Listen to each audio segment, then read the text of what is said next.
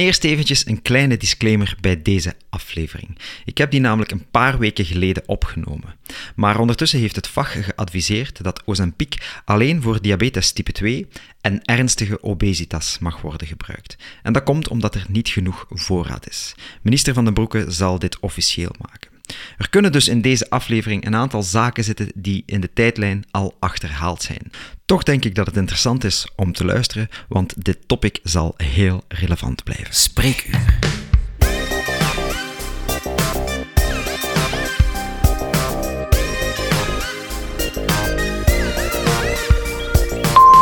Dag dokter Servaas, mijn naam is Pamela en ik vroeg me af of je eens iets meer kan vertellen over Ozempic. Het lijkt wel de nieuwe modetrend voor al wie wil vermageren. Maar is het wel gezond om jezelf vol te spuiten met medicatie die eigenlijk gemaakt is voor diabetespatiënten? Welkom bij Spreekuur.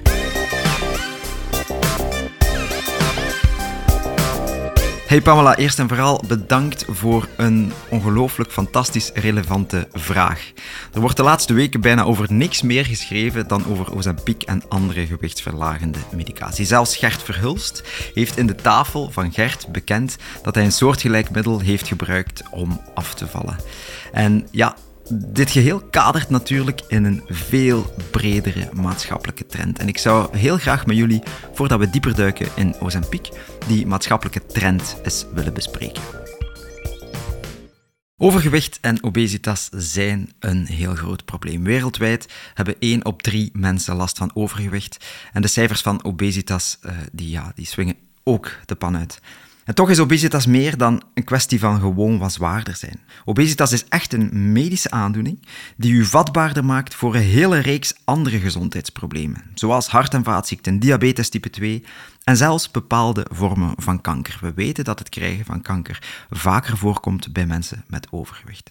Dus als arts maak ik mij echt oprecht zorgen over de impact die obesitas kan hebben op onze levenskwaliteit. Ik heb in mijn praktijk maar al te vaak gezien hoe het mensen hun gezondheid, hun welzijn en soms zelfs een leven kost. Dus het gaat mij niet om de esthetische idealen en het ideale lichaam, maar om de levenskwaliteit en om de medische risico's.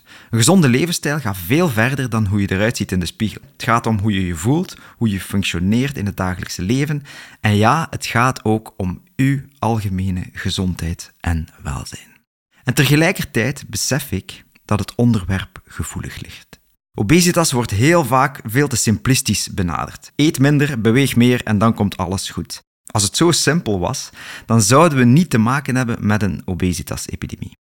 Obesitas is een heel complex medisch fenomeen met meerdere oorzaken, waaronder genetische factoren, hormonale disbalansen, psychologische factoren en sociaal-economische omstandigheden. Dus een oordeel vellen zonder naar dat complete plaatje te kijken, dat zou meer kwaad dan goed doen. Wat ik hoop te bereiken met deze podcast is het starten van een heel constructieve dialoog. Ik wil eigenlijk een gesprek op gang brengen tussen patiënten, zorgverleners, beleidmakers. En ja, dus zelfs als jij denkt dat dit onderwerp voor u niet relevant is, dan hoop ik dat het uw ogen een klein beetje zal openen voor de complexiteit en de ernst van de situatie. Dus open geest en respect voor ieders persoonlijke ervaringen gaan we dit gesprek starten, want we zitten uiteindelijk allemaal in hetzelfde schuitje. We willen allemaal gezonder en gelukkiger leven. En soms is die eerste stap naar gezonder en gelukkiger leven even kijken hoe hard de feiten zijn, hoe moeilijk dat ook kan zijn. Dus geen pleidooi voor bodyshaming, maar naar bewustwording toewerken. Want de wereld die wordt steeds meer door beelden gedomineerd die ideaal zijn. Hè? Tijdschriftcovers, social media, de boodschap is duidelijk. Er is een ideaal lichaamstype en wie daar niet aan voldoet, die loopt het risico op spot, vernedering en dus uitsluiting. Dat is het fenomeen dat bekend staat als bodyshaming. Dat is het belachelijk maken of bekritiseren van iemands fysieke uiterlijk. En dat kan variëren van opmerkingen over iemands gewicht tot kritiek over specifieke lichaamskenmerken enzovoort. Kan expliciet zijn, impliciet zijn. Het gebeurt helaas super, super, super veel online. Maar het gebeurt ook in de echte wereld. Komt het eigenlijk dat we terechtgekomen zijn in een wereld die bodyshaming zo diep verankerd heeft in zijn cultuur? Waar media en reclame hebben daar uiteraard een grote rol in gespeeld, hè? dat ideale lichaamstype. En uh, social media hebben dat platform voor bodyshaming verder vergroot. Getuigen de anekdote van Zita Wouters, de dochter van Koen Wouters, die berichtjes kreeg over bodyshaming, maar die moedig genoeg was om daarmee naar buiten te treden. Proficiat Zita, want het effect van bodyshaming kan desastreus zijn. Heel vaak kan dat leiden tot een laag zelfbeeld, eetstoornissen en in ernstige gevallen soms depressie en zelfmoordgedachten. En het heeft ook een heel negatieve invloed op hoe we als maatschappij omgaan met diversiteit en inclusiviteit. De oplossing is volgens mij dat we samen moeten gaan nadenken. We moeten mensen misschien leren met media omgaan. Mensen, en misschien ook zelfs kinderen, leren hoe ze de inhoud van de media heel kritisch kunnen evalueren en hoe dat ze het verschil kunnen maken tussen de realiteit en de manipulatie. Misschien moeten we zelfs richtlijnen en moderatie op sociale media-platforms aanbieden. En we kunnen van alles doen: publieke campagnes, schoolprogramma's, maar vooral een open dialoog. En daar wil ik vandaag een eerste zetje in geven.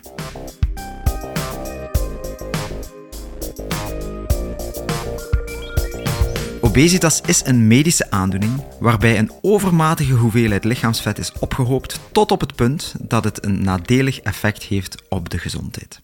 Heel vaak wordt obesitas gedefinieerd aan de hand van de Body Mass Index of de BMI. Maar dat kan eigenlijk zeker niet de enige maatstaf zijn. Want BMI is eigenlijk al een heel oude en eenvoudige berekening, waarbij het gewicht in kilogram wordt gedeeld door het kwadraat van de lengte in meters. En een BMI van 30 of hoger wordt dan meestal beschouwd als obesitas. Maar er zijn ook andere maatstaven, want BMI geldt eerder voor populaties in te schatten. En bij BMI nemen we een heel groot aantal factoren niet in rekening, zoals spiermassa. Spiermassa weegt op zich zwaarder dan vetmassa en kan dus die BMI gaan beïnvloeden.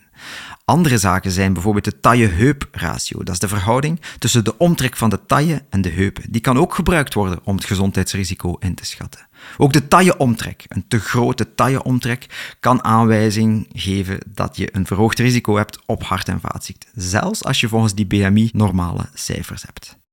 De meest accurate meting is een meting van het percentage van het vet. En we kunnen dat op de best mogelijke manier uitvoeren door ofwel een huidplooimeter of een DEXA-scan. Een DEXA-scan gaat een lage dosis röntgenstraling geven en daardoor gaan we kunnen onderscheid maken in je lichaam. Ten eerste, wat is spiermassa, wat is vetmassa, wat is botmassa en ten tweede gaan we kunnen zien van en waar zit dat vet? Zit dat vet op de gezonde onderhuidse plaatsen? Of zit dat vet op de ongezonde plaats tussen de organen? En dat noemen we het viscerale vet. Ten slotte is het ook interessant om eens te gaan kijken naar de aanwezigheid van bijkomende gezondheidsproblemen, zoals hoge bloeddruk, cholesterolgehalte, bloedsuikerwaarde, want ook die moeten we in rekening nemen bij het behandelen van obesitas. En voor mij is het belangrijk dat je het mechanisme van die obesitas goed begrijpt, zodanig dat je de regie over je gezondheid terug zelf in handen kan nemen. Want obesitas heeft heel veel gezondheidsrisico's, van hart- en vaatziekten tot diabetes. En hoe ontstaan de risico's? Wel, laten we ons een keer een aantal in detail bekijken. Hart- en vaatziekten en hoge bloeddruk bijvoorbeeld. Als je meer lichaamsgewicht hebt, dan moet je hart harder werken om bloed door dat ganse lichaam te gaan pompen. En dat zal niet alleen leiden tot een verhoorde hartslag, maar kan ook een hogere bloeddruk geven. Meer vetweefsel zal ook ontstekingsprocessen in het lichaam gaan stimuleren. En dat zal de vorming van plak in uw bloedvaten bevorderen en zal sneller leiden tot aderverkalking. En dat alles zorgt voor extra belasting van dat cardiovasculaire systeem. Bij obesitas is er ook vaak een teveel aan vetcellen. En die cellen produceren bepaalde stoffen die ervoor zorgen dat het lichaam 1 in ontsteking gaat en 2 minder gevoelig wordt voor insuline. Als resultaat moet het lichaam altijd maar meer insuline gaan aanmaken en krijgen we dus op termijn diabetes. Het overgewicht legt ook extra druk op het ademhalingsstelsel, legt extra druk op de gewichten, de knieën en de heupen. En die overbelasting kan leiden tot snellere slijtage van het kraakbeen en dan krijgen we artrose. Maar obesitas zorgt door die chronisch laaggradige ontsteking in het lichaam ook voor een hoger risico op kanker. En dat soort ontstekingen die kunnen de productie van bepaalde hormonen dan ook nog gaan beïnvloeden. En zo komen we als patiënt met obesitas in een vicieuze cirkel.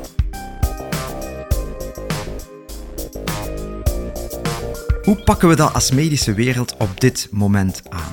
Ten eerste hebben we heel veel gezondheidscoaches en voedingsdeskundigen en diëtisten die mensen persoonlijk zullen begeleiden in het verliezen van een beetje gewichten. Dat zijn eigenlijk heel goede methodes.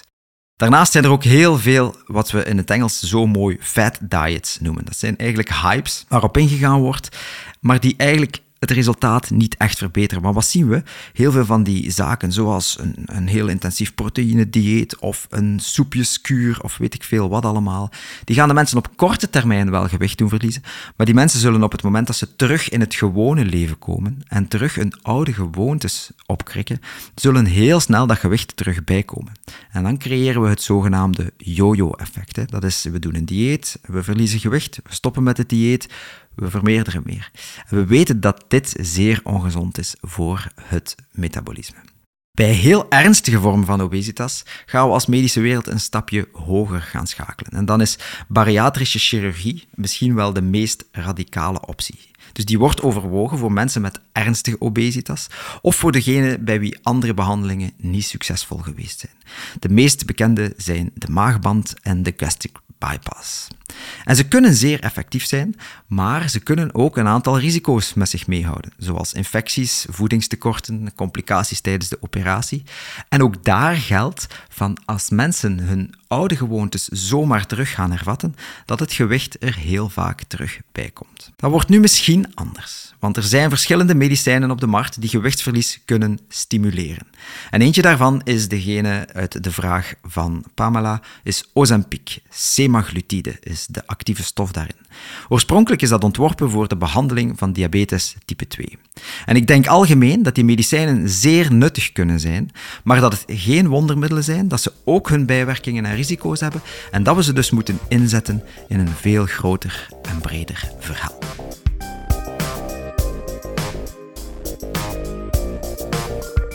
En ik neem u nu graag eens mee in het verhaal van die medicatie, van die gewichtsverliezende, ondersteunende medicatie. Want we zitten in een periode waar we het begin van die evolutie gezien hebben, maar het einde is nog lang niet in zicht en er is van alles aan het bewegen. Dus laat ons eens starten met Ozempic. Dus de actieve stof is semaglutide. Dat is eigenlijk een glucagon-like peptide. En wat wil dat zeggen? Dat wil eigenlijk zeggen dat semaglutide een stof is die als we ze inspuiten of inslikken, die een bepaald eiwit zal gaan nadoen in ons lichaam. Medicijn is ontwikkeld door een Deens farmaceutisch bedrijf dat gespecialiseerd is in diabeteszorg. Dus wat is er gebeurd? Men was studies aan het doen bij diabetespatiënten. We wouden die bloedsuikerspiegel van die diabetespatiënten zo goed mogelijk regelen. En dus die medicamenten zijn daarvoor beginnen gebruikt worden. En men heeft gezien dat de mensen die Ozempic inspoten, dat die niet alleen een betere bloedsuikerregeling hadden, maar dat die ook gewicht verloren. En op een bepaald moment zijn wetenschappers zich uiteindelijk de vraag beginnen stellen van ja, als we daardoor gewicht verliezen, kunnen we het dan niet inzetten voor die indicatie? En wat bedoel ik daarmee? Kunnen we niet gaan zeggen van het medicament is niet voor diabetespatiënten, maar is voor obesitaspatiënten. En dat heeft een beetje geleid tot de situatie waar we nu zitten. Die indicatie is stricto sensu eigenlijk nog steeds niet goedgekeurd. Dus in principe is Ozempic op dit moment voorbehouden voor diabetespatiënten. Dat was ook een grote hetze in de zomer van 2023, waar plots iedereen Ozempic begon te gebruiken en begon te gaan halen bij de apotheek, waardoor de echte diabetespatiënten niet meer aan hun medicijn konden komen. En nu zitten we dus in de situatie waarbij, zeker in de States al, Ozempic heel breed wordt geadverteerd. Dus er zijn reclamecampagnes rond Ozempic, zowel naar medische professionals toe, maar ook aan consumenten toe. En al die marketing die heeft uiteraard een bewezen effectiviteit. In combinatie met het gebruiksgemak van het medicijn heeft dat tot een heel snelle acceptatie van de markt geleid. En de omzet van die Ozempic is al heel snel tot in de dollars met heel veel nulletjes geschoven. Laat ons eens in de diepte kijken van hoe het medicijn werkt.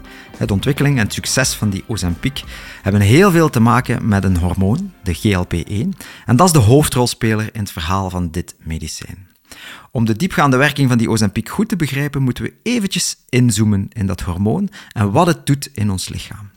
GLP-1 heeft heel veel taken. Een van de belangrijkste taken is het regelen van de bloedsuikerspiegel. Als we gegeten hebben, zal het suikerniveau in ons bloed gaan stijgen. En die GLP-1 gaat helpen om dat in balans te gaan brengen. Hoe gaat het dat doen? Enerzijds door de afgifte van insuline te gaan stimuleren en anderzijds door in onze hersenen te gaan vertellen dat we genoeg gegeten hebben. Dus het is eigenlijk een dubbele werking. Onze bloedsuiker zal dus beter geregeld zijn, maar we gaan ons ook sneller verzadigd of vol voelen. Dus dat zal helpen om onze eetlust te verminderen en daarom de neiging tot overeten een beetje uit te sluiten. Dus het is een heel complex systeem dat helpt om het lichaamsgewicht en energieinname te gaan regelen. Het probleem is dat de lichaams-eigen GLP-1 hoewel het een heel nuttige rol speelt, dat het heel snel afgebroken wordt. Dat is een hormoon dat als we het aanmaken, het wordt heel snel inactief door de enzymen in ons lichaam, waardoor het effect slechts heel kortstondig is. En dan komt Ozempic in beeld. Dus dat medicijn is ontwikkeld om een beetje te functioneren als een GLP-1-nadoener. Een nadoener of een agonist in de chique wetenschappelijke term. Een agonist is een stof die de werking van een bepaald hormoon of neurotransmitter zal nabootsen of versterken. En Ozempic is zo ontworpen dat het niet meer zo snel afgebroken wordt. Daardoor heeft het natuurlijk een veel langere werkingsduur en kan het veel minder frequent toegediend worden en toch die beide effecten, bloedsuikerregulatie en verzadigingsstimulatie, inzetten.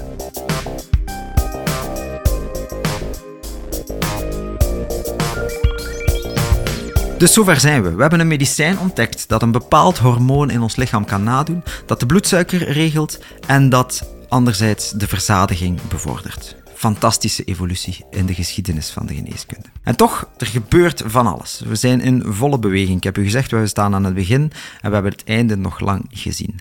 Want die ganse klasse van medicamenten, waartoe Ozempic ook behoort, die staat echt aan de vooravond van een aantal veelbelovende ontwikkelingen. Zowel op wetenschappelijk vlak, maar zowel op vlak van hoe gebruiken we het in de praktijk, hè, het klinische vlak. En dat komt vooral omdat die geneesmiddelen zo een brede werking hebben en dus niet alleen op gewicht, maar ook op de gevolgen van het gewicht kunnen gaan werken. Dus obesitas staat in verband met kankers, hart- en vaatziekten. Als we ook die aandoeningen kunnen verminderen van frequentie, ja, dan hebben we heel grote stappen gezet. Dus wat zijn de belangrijkste wetenschappelijke ontwikkelingen die op dit moment rond die therapieën gebeuren? Ten eerste zijn we aan het werken aan nieuwe formuleringen. We zijn aan het werken aan nieuwe vormen van die medicatie, die minder vaak moet toegediend worden, bijvoorbeeld één injectie per maand, of die in pilletjes kan gegeven worden en die toch even effectief zijn als injecties. Ten tweede zijn we aan het zoeken naar combinatietherapieën. Het combineren van die GLP-agonisten met andere geneesmiddelen of met sterkere vormen, want je hebt GLP-1, maar je hebt ook GLP-2 enzovoort. Dat wordt nu ook op dit moment onderzocht. En er zijn al een aantal producten die op de markt gekomen zijn in de States en die bij ons ook op de markt zullen komen, die veel breder en dus veel effectiever zouden gaan. En dan de uitgebreide toepassing. Ja, als we dus die diabetes en die obesitas heel goed kunnen behandelen, kunnen we ook de gevolgen daarvan gaan behandelen. Waar we naast die wetenschappelijke evoluties ook heel veel aandacht moeten aanbesteden, is denk ik, we moeten dit doen kaderen in een holistische aanpak. Zomaar een pilletje of een spuitje op de markt brengen en zeggen van kijk, dit is het nieuwe wondermiddel, als je dit doet, dan ben je er voor altijd vanaf. Zo werkt geneeskunde jammer genoeg niet. Eh, in geneeskunde moeten we alle parameters van iemands leven, ook de levensstijl, zoals voeding en lichaamsbeweging, in de puzzel gaan leggen en moeten we op die manier gaan werken. Want wat zien we gebeuren? We zien gebeuren dat mensen denken, als ze dat spuitje nemen, dat ze inderdaad een paar kilo's verliezen. En dat gewichtsverlies kan in die eerste weken vaak enorm zijn. Maar als iemand op dat moment zijn gewoontes niet aanpast en blijft pizza's eten, bij wijze van spreken, en die stopt op een bepaald moment met de medicatie, dan zullen we zien dat dat gewicht er zomaar weer bij komt. En dat we dus, net zoals bij de andere fat diets of bij de andere hype diëten, dat we weer een yo-yo-effect gaan creëren. En we weten dat yo-yo-effect geeft ons eigenlijk een veel ongezonder lichaam op lange termijn. Hoe lost men dat nu op? Men lost dat nu op door op de bijsluiter te zetten dat de behandelduur van zo'n behandeling tussen de 12 en de 18 maanden moet zijn. Maar dat is heel lang. dat is een heel lange behandeling.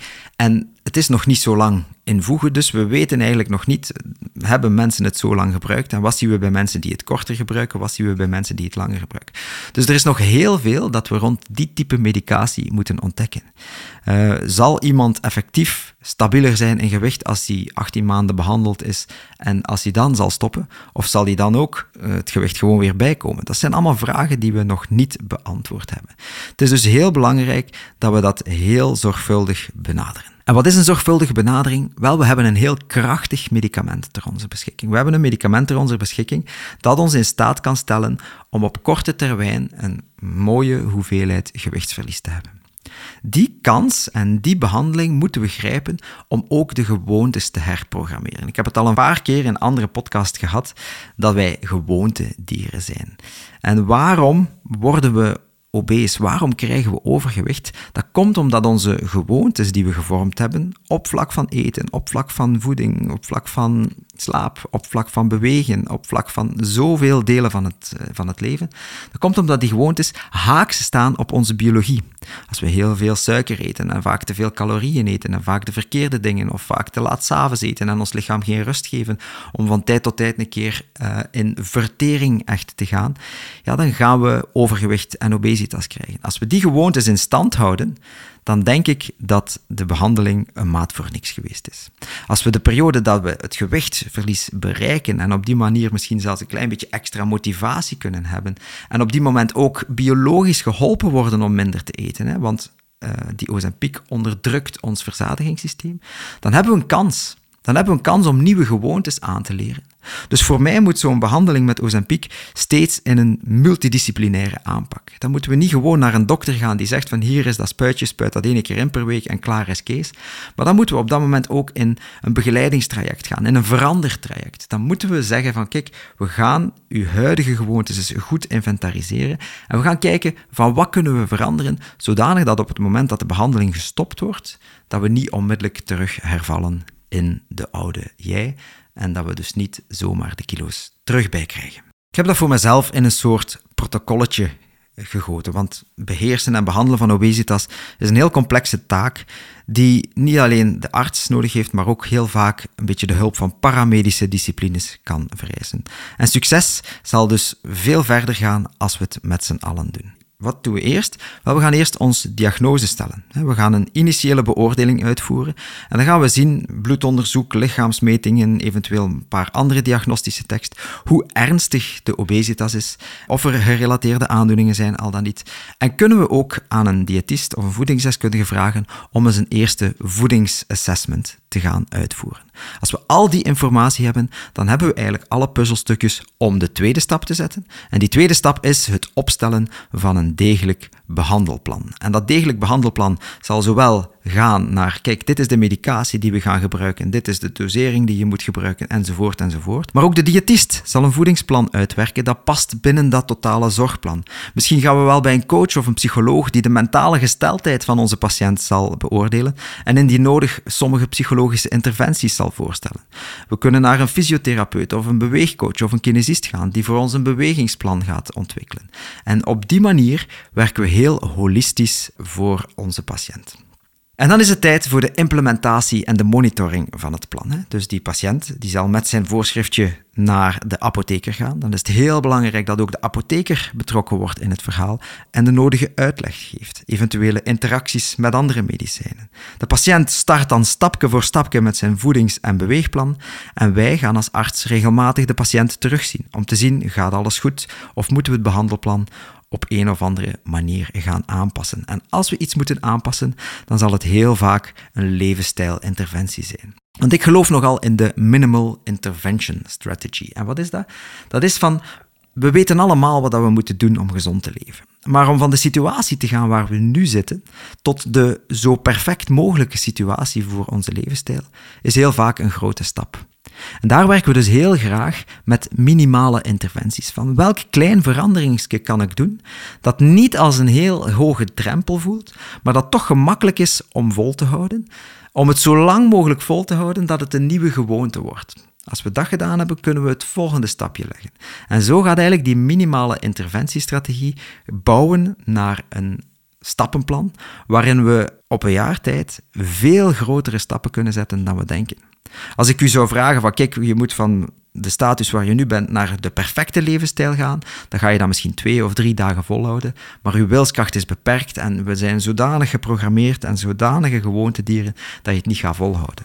Als we voor een lange termijn een engagement aangaan en we gaan stapje voor stapje gaan werken, dan is er veel meer kans op slagen.